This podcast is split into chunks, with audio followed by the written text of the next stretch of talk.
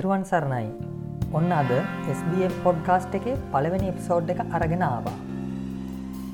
ඉතින් අද අපිට විශේෂ අවවාධාත්ම කනුශාසනාවක් තිලන කරන්නේ අපේ අති ගෞරෝ බහමාන දක්ෂිණ ලංකාවේ ප්‍රධාන සංගනායක අවසරයි ආචාර්ය පූජ්‍ය ඕමල්පේ සෝභිත හිමිපාණන් වහන්සේ. ඉතින් අපි විමසා බලමු අපේ ගැටලුව. අවසරයි නායක හාමුදුරුවනේ සමාජ මාධ්‍ය ඔස්සේ මඩ ප්‍රචාර චරිත ඝාතන කරනවා. ඕපදූපු හුවමාරු වෙනවා. එක්දස් නමසි අසූ ගණන්වල අවියායුදවලින් මිනිස්සු මැරුවා. දැන් අකුරුවලින් පින්තූරවලින් චරිතයක් විදිහට ඔන්ලයින් මිනිස් ඝාතන වෙනවා. සජීව වීඩියෝ ඇමතුම් හරහා නිරුවතින් හැසිරෙන වැරදි කාමචර්ය ඇති වෙලා තියෙනවා. ඔන්ලයින් සූදු පිටි බිහි වෙලා. ඔන්ලයින් සොරකම් ඇති වෙලා. ඒ විදිහට හැසිරීමෙන් සහ එම ක්‍රියා සඳහා කුමන හෝ ඇවරකින් දායකවීමෙන් පව් සිදුවනවාද අකුසල් සිදුවනවාද. බොහොම සතුටුයි එවන් ප්‍රශ්නයක් යොමු කිරීම සම්බන්ධයෙන් ඇත්තෙම යොමු කළ යුතු ප්‍රශ්නයක් අවධානය යොමු විය යුතු ප්‍රශ්නයක්. සමාජ මාධ්‍ය ජාලා එවනත සමාජ මාධ්‍ය කියන මාතෘකාව තමයි මෙතෙන්ද ඉදිරියට එන්නේ ඔන්ලයින් කියනවා ෆේස්බුක් කියනවා ඉන්ටනෙට් කියනවා මේ සියල්ලම සමාජ මාධ්‍ය ජාලා කියන මාතෘකාවටයි සම්බන්ධ වෙන්නේ. ඔවු මේ මාධ්‍යජාලා ඔස්සේ මේ උපාය උපක්‍රමය ඔස්සේ විවිධ විදියේ වැරදි සිද්ධ වෙන බව ඇත්ත. අප විසින් පාවිච්චි කරනු ලබන සෑම උපකරණයක්ම සෑම මාධ්‍යයක්ම ගත්තාම එක දෙපැත්තක් තියෙනවා. හොඳ පැත්තක් නරක පැත්තක්. පාවිච්චි කරන පුද්ගලයාගේ බුද්ධිමට්ටම අනුව තමයි ඒ උපකරණය හෝ ඒ මාධ්‍ය යොදා ගනු ලබන්නේ. දැලිපිහියක් වගේ. දැලිපියෙන් ගාක් ප්‍රයෝජන තියෙන. ඒ වගේම ඒකෙන් විනාශකාරී ප්‍රතිඵලත් අත්කර දෙන්න පුළුවන්. සමාජ මාධ්‍ය ඇත්තෙම වැරදි විදියට ඔබ කිව් මාතෘකා යටතේ වැරදි විදියට පාවිච්චි කිරීම මගින් සත්‍ය වශයෙන්ම එය කරනු ලබන්නාට අනිවාර්යෙන්ම අකුසලයක් හිමිවෙනවා. පාපයක් අත්වෙනවා. අපි පාපය අකුසල කියන වචන දෙකම සමාන ආර්ථයෙන් මේ මොහොතේදී ගත්තොත් සත්‍ය වශයෙන්ම ඒක පාපක්‍රියාවක්. ඒ පාපක්‍රියාවක් වෙන්නේ ඇයි? තමා තුළ කෙලෙස් දහම් වර්ධනය වන ඒ කියන්නේ රාග, ද්වේෂ, මෝහ කියන අකුසල මූලයන් අකුසල ආකල්ප, සංකල්ප සහ අකුසල චේතනා තමා තුළ වඩා වර්ධනය වෙනවා. එසේ වර්ධනය කරගෙන තමයි දැන් රාගික චේතනාව වගේම දවේශයේ වෛරය මේවා මුල් කරගෙන තමයි මේ මාධ්‍ය ඔවුන් පාවිච්චි කරන්නේ. එය පාවිච්චි කිරීම මගින් අහන දකින කෙනාගේ සිතුවිලිත් පාප සිතුවිලි බවට පත්වෙනවා කෙලෙස් සහිත බවට පත්වෙනවා. ඇතෙම ඉතාමත් දරුණු විදියට මේක අහන බලන මේ සඳහා යොමුවෙන පුද්ගලයෝ අර එය නිර්මාණය කරන පුද්ගලයාගේ සාපරාධී අදහස්වලට ගොදුරක් බවට පත්වෙනවා. ඒ නිසා එය පරිහරණය කරන ඇත්තන් තුළ ඇති වෙනවා රාග දවේශ මෝහ ඒ අනුව ඕනුත් පෙළඹෙනව වැරදි වැඩවලට ඒ අනුව එය නිර්මාණය කරන පුද්ගලයාට බරපතල අකුසල එමත් නැත්තම් පාප සිදුවෙනවා. එය මෙලවත් විපාක දෙන පරලෝකයේදී විපාක දෙන ශක්තියක් එතන නිර්මාණය වෙන්නේ පාප විපාක නිර්මාණය වෙනවායි පාප කර්මය මුල් කරගෙන ඒ නිසා මේ සමාජ මාධ්‍ය ඔස්සේ යමෙක් දූෂණ ක්‍රියා වලට අදාළ යම් යම් ප්‍රචාරයන් කරනවා නම් යම් යම් වැඩසටහන් සංවිධානය කරනවා නම් සත්‍ය වශයෙන්ම එය පාප ක්‍රියාවක්මයි. එතකොට නායක හාමුදුරුවනේ ඒ ආකාරයෙන් පාපකර්ම අකුසල් කරන්න පුළුවන්නම්. ඔන්ලයින් පින් කුසල් රැස්කරගන්න පුළුවන්ද. සත්‍ය වශයෙන්ම. දැන් අපි සමාජයේ පාවිච්චයන වචනයක් ඩ්‍රං ඇබියස් කියන වචන. විෂ මද්‍රව්‍ය කියන වචනයට ඉංග්‍රීසියෙන් යෙදෙන්නේ ඩ්‍රක් ඇබියස් කිය. ඩ්‍රක් කියන්නේ බෙහෙත්. ඇබියස් කියන්නේ වැරදි විදියට පාවිච්චි කිරීම ඇතෙම බෙහෙත් හැටියට කරන ලද යම් යම් නිෂ්පාදනම තමයි ඇතැම් මිනිස්සු මනුෂ්‍යයාගේ ශරීරය පිරිහෙවන්න මනස පිරිහෙවන්න උපයෝගී කරගන්නේ. එකට අපිගෙන ඩ්‍රක් ඇබියස්. ඒ ඇන්නේ යහපත වැරදි ලෙස පාවිච්චි කිරීම. මේ මාධ්‍යජාලා සමාජ මාධ්‍යජාලා වැරදි විදියට පාවිච්චි කරන ඇත්තෝ එයින් මහා පාප විපාකයක් උපදවා ගන්නා සේම එය යහපත් විදියට යොමු කරගත්තොත් යහපත් විදියට පාවිච්චි කළොත් එයින් නිර්මාණය වන්නේ මහා කුසල ක්‍රියා රාශියක් මහා පුණ්‍ය ක්‍රියාවක් සිදු වෙන්නේ සමාජ මාධ්‍ය ජාලා ඇත්තෙන්ම යොමු විය යුතු වන්නේ හැම දෙනාගේම යහපත පිණිස.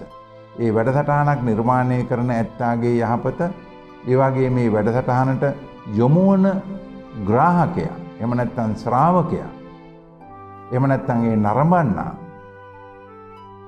යහමගට යොමු කරවන වැඩපිළිවෙළවල් මගින් සත්‍යෙන්ම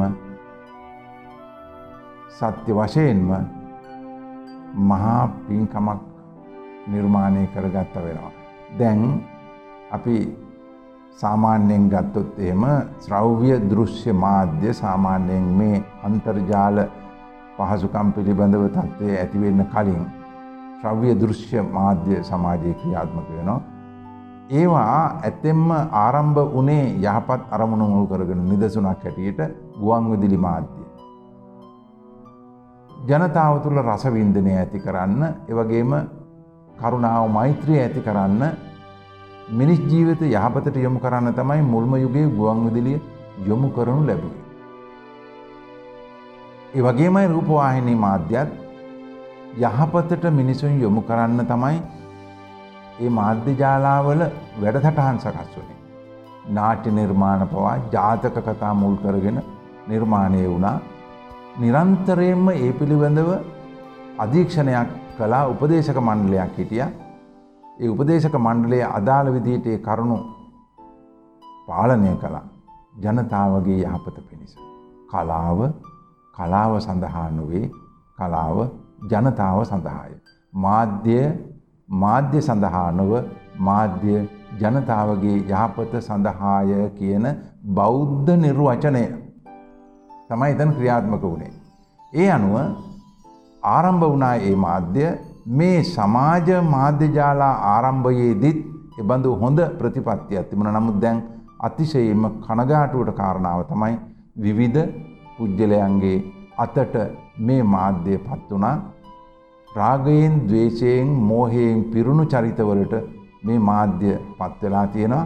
ඒ වගේම ආත්මාර්ථකාමීත්වයේ සහ තමන් අකමැති ඇත්තන්ගෙන් පලිගන්න තමන් අගමැති අයගේ චරිත දූෂණය කරන්න ඒවගේම සමාජය පවා දූෂණය කරමින් තමන්ගේ අතට මුදල් ලැබෙන ක්‍රමවේද සකස් කරගන්න ආත්මාර්ථකාමීව ආත්ම ලාභය පිණිස ක්‍රියා කරන්න මේ මාධ්‍ය යොදාගෙන තියෙනවා.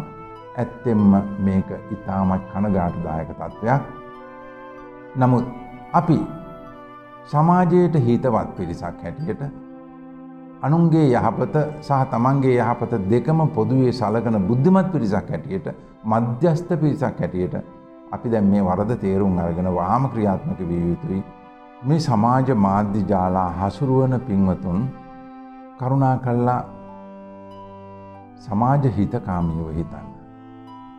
මා මේ කරන වැඩසටහනෙන් මා මේ මුදාහරින අන්තර්ජාල වැඩසටහනෙන් යහපතක්ද වෙන්නේ අයහපතක්ද වෙන්නේ. මේ නරඹන ඇත්තන්ට ඔවුන් තුළ වෛරය තරහ ඊර්ෂාව ක්‍රෝධය වඩා වර්ධනය වෙයිද එවන් අකුසල මූලික හැඟීම් වඩා වර්ධනය වෙයිද ඔවුන්ගේ ජීවිතවලට යහපතක් වෙයිද අයහපතක් වේද කියන එක හිතන්න. මේ වැඩසටහනෙන් සත්‍ය වශයෙන්ම තමා තුළ ඒ වැඩසටහනක් කරනකොට ඒ වැඩසටහන නිර්මාණය කරන ඇත්තන් තුළ ආත්ම විශ්වාසයක් ඇතිවෙන්න ඕන. ඒ ආත්ම විශ්වාසය තමයි මා මේ කරන කාර්යයෙන් මිනිසුන් ඉන්න තැනින් උඩට ඔසවා තැබිය හැකිද. ඔවුන් අධ්‍යාපනයෙන් ඔසවා තබන්න. සෞඛ්‍ය සංරක්ෂණයෙන් ඔසවා තබන්න. ඒවගේම ඔවුන්ගේ ආධ්‍යාත්මක තත්ත්වය ඔසවා තබන්න. ආර්ථික තත්ත්වය ඔසවා තබන්න. සමස්ත ජීවන ප්‍රතිපදාම යම් ආකාරයක දියුණුවකට පත් කිරීමේ ප්‍රයත්නයක් තමයි ගත යුත්තේ මේ වැඩසටහන් මගින් එසේ නොවන වැඩසටහන් කොච්චර ජනප්‍රිය වනත් ඒවායින් සිදුවන්නේ අයහපතක්මයි. ජනප්‍රියතාව හිතලා මුදල් ඉපයීම ගැන හිතලා වැඩසටහන් කරන්න එපා. තමාගේ වැඩසටහනෙන් යහපතක් වෙන විදියටම වැඩහටහන් සංවිධානය කරන්න ඇත්තෙම්ම ඒ පුුණ්‍යයක් ක්‍රියාවක් බවට පත්වෙනවා කුසලක් ක්‍රියාවක් බවට පත්වෙනවා යහපත් ක්‍රියාවක් බවට පත්වෙනවා ඒ ක්‍රියාවේ ප්‍රතිඵලය ඒ කාන්තයි සෑම ක්‍රියාවකටම ප්‍රතික්‍රියා ජනනය කරන බැවින්. ඔබ කරනු ලබන ඒ යහපත් මාධ්‍ය ක්‍රියාවලිය මගින් ඔබට යහපත් ප්‍රතිඵල ලැබෙනවා කරුණා කරල ඒ ගැන විශ්වාසයෙන් ක්‍රියා කරන්න කියන එක තමයි අපි විශේෂයෙන්ම මේ මාධ්‍ය ජාලා මෙහෙවන ඇත්තන්ට කරුණාවෙන් මතක් කරන්න. අදාපිට හොඳ දෙයක් ඉගෙන ගන්න ලැබුණා නේද. අපි මේ පොඩ්කාස්ට් එක මේ වගේ තවත් වැඩසටහන් මාලාවක් විදිහට ඉදිරියට කරගෙන යන්න බලාපොරොත්තු වෙනවා. ඒ වගේම මම හිතනවා මේ පොඩ්කාස්ට් එක කරන අපිට අහන ඔබට මේ හරහාද කුසල් සිත් ඇතිවෙනවා කියලා. ඉතින් ඔයාලගේ හිතමිත්‍රාදීන්ටත් අහන්න ෂයා කරලා ඒ අයව දැනුවත් කරන්න. තවත් වැදගත් කාරණාවත් මතක් කරන්නම ඕනි. ඒ තමයි ඔයාලටත් පුළුවන් අපිට ප්‍රශ්නය යොමු කරන්න. ඇංක.fm/ SBF පොඩ් කියන URL එකට ගිහිල්ලා ඔයාලට වොයිස් මසෙජ් එකක් විදිහට වගේම info@sbf.lk කියන විද්‍යුත් ලිපිනයට එමනැත්තම් Sri Bodhiraja foundation Facebook page එකට ටෙක්ස්ට් මැසේජ් එකක් විදිහටත් අද කතා කලාවගේ ප්‍රශ්න දහම් පැන විමසන්න පුළුවන්. ඒ වගේම අපිට ඊමේල් මගින් හෝ ෆේස්බුක් හරහා ප්‍රශ්නයමු කරද්දී. ඇංක.ෆම් හරහා වොයිස් මැසේජ්යමු කරද්දී.